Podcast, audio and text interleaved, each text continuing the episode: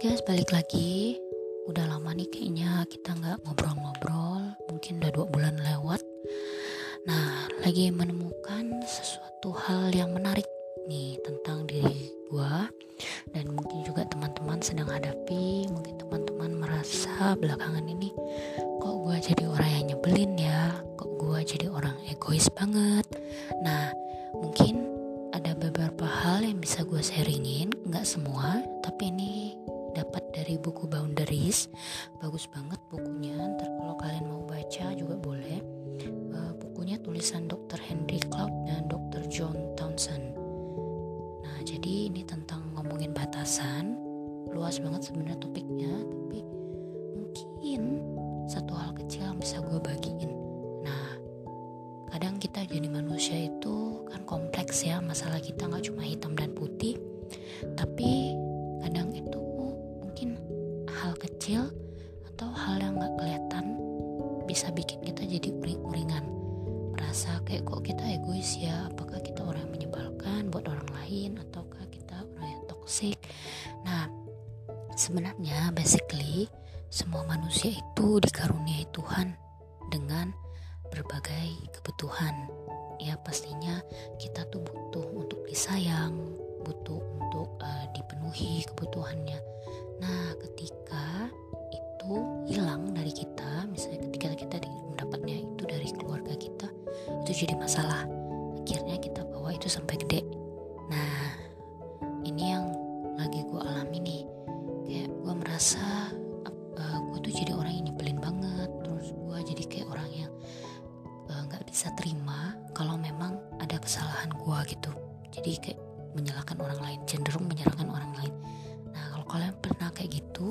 berarti boleh nih waktunya untuk cek diri sendiri.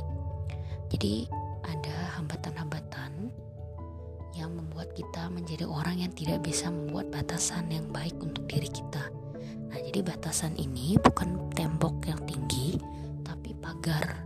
Harusnya ya idealnya itu hanya seperti pagar yang kita bisa buka dan tutup agar orang lain bisa masuk dan kita sendiri juga bisa keluar.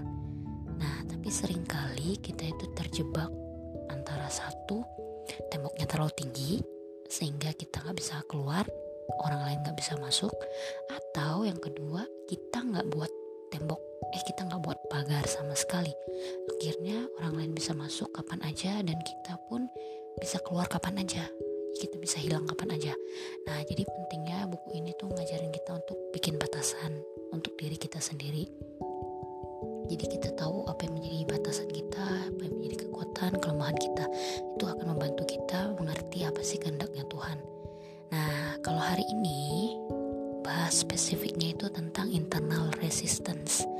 Nah setiap manusia itu tadi ya udah gue bilang pasti Tuhan karuniai kebutuhan-kebutuhan mendasar. Kebutuhan akan dikasihi kebutuhan akan disayang dipeluk dengan bahasa kasihnya masing-masing. Dan setiap orang sebenarnya memiliki lima bahasa kasih itu sih kebutuhan itu nah cuma mana yang dominan. Nah tapi masalahnya ketika kita mempunyai permasalahan kita yang belum selesai dan akhirnya kita tidak mampu untuk berduka cita atas ketidakmampuan kita itu dan atas uh, kelemahan-kelemahan kita itu itu yang membuat kita akhirnya menjadi pribadi yang sulit pribadi yang menyebelin, pribadi yang egois, dan pribadi yang tidak bisa mengasihi orang lain seperti Tuhan mengasihi kita. So, jadi konkretnya kalau kita sedang mengalami fase itu, harapan gue kita sama-sama bisa pertama menyadari ketidakmampuan kita memberikan batasan terhadap diri kita sendiri. Ya, jadi kan pastilah ya kita tuh ada kadang-kadang excuse atau melihat nih orang siapa yang bisa aku buka pagarnya siapa yang aku nggak mau buka ya kan? Jadi kadang-kadang kita salah. Kalau salah sendiri sih gampang ya untuk mengakui itu adalah bagian kita.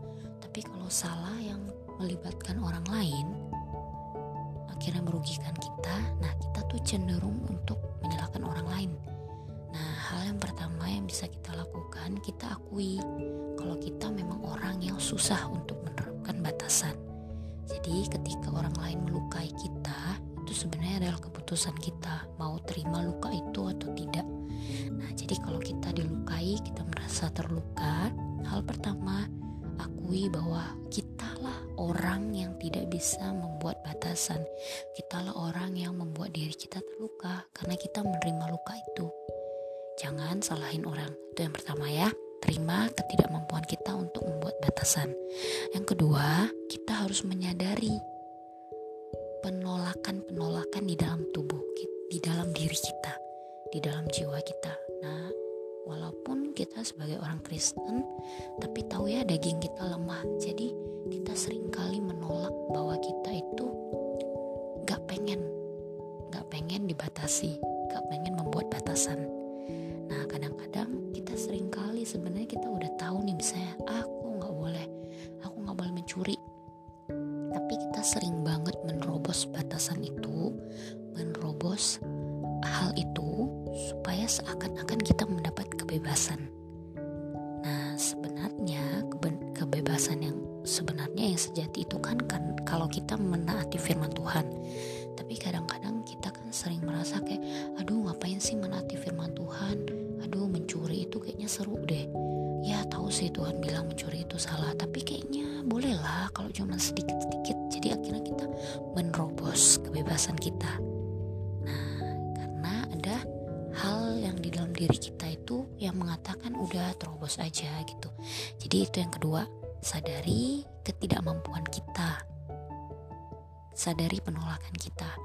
Oke, lalu yang ketiga, mencari anugerah dan kebenaran dari Tuhan dan dari komunitas yang mendukung. Komunitas ini pastinya komunitas yang bisa membawa kita kembali ke kebenaran Tuhan. Gitu. Ya, jadi harus kalau kita udah kayak gini, udah pengen menerobos batasan itu, ya kembali lagi cari anugerah Tuhan cari kebenarannya baca firman Tuhan lagi doa lagi dan pastinya sharing sama orang yang kamu bisa percaya yang bisa bawa kamu kembali. Terus yang keempat kita identifikasi apa sih sebenarnya keinginan kita yang paling dalam? Apakah kita menginginkan kasih dari orang itu? Sampai-sampai kita nih nggak bisa move on misalnya kita terlalu menggantungkan hidup kita ke satu orang atau satu barang kembalikanlah orang-orang itu atau barang itu ke Tuhan dan kita harus move on. Ya itu tahap yang terakhir. Ya jadi kayak kalau kita terus stuck sama orang itu fokus sama iya dia yang bikin aku kayak gini iya yang dia dia yang bikin hidup aku jadi susah dia yang bikin aku masuk ke dalam masalah ini kita tidak akan bertumbuh kita akan stuck di situ. Nah setelah itu tahap selanjutnya kita harus let go berani melepaskan ya. Karena kita tahu segimanapun kita usaha sebanyak apa pun orang yang datang dan pergi cuma satu yaitu Tuhan yang bisa memuaskan kita.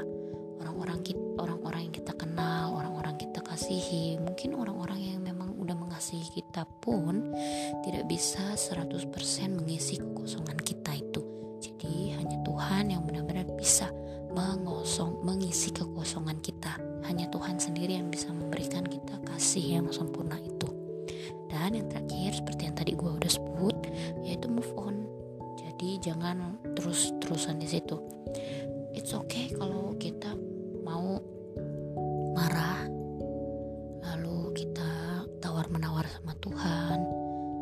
kita nggak terima lalu kita baru akhirnya bisa ikhlas.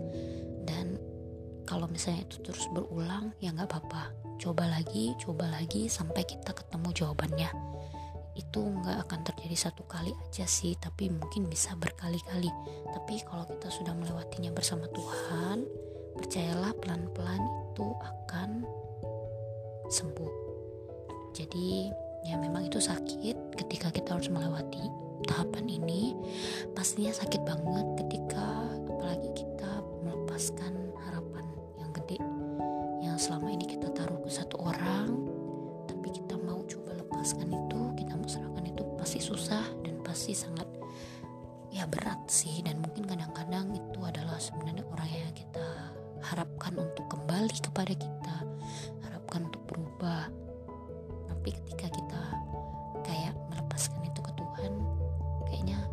kok susah berat dan kayaknya sedih gitu ya. Nah tapi percayalah buat Tuhan tidak ada yang mustahil. Tuhan sudah sediakan orang-orang lain yang bisa bantu kita untuk bertumbuh. Mungkin bukan mereka tapi ada orang-orang lain. Dan yang paling penting Tuhan sendiri yang akan memampukan kita. Tuhan sendiri yang akan mengisi kekosongan itu. So semangat buat teman-teman yang sedang berjuang. Ada teman-teman seiman yang saling mendoakan dan mendukung kamu. You're not alone and God bless you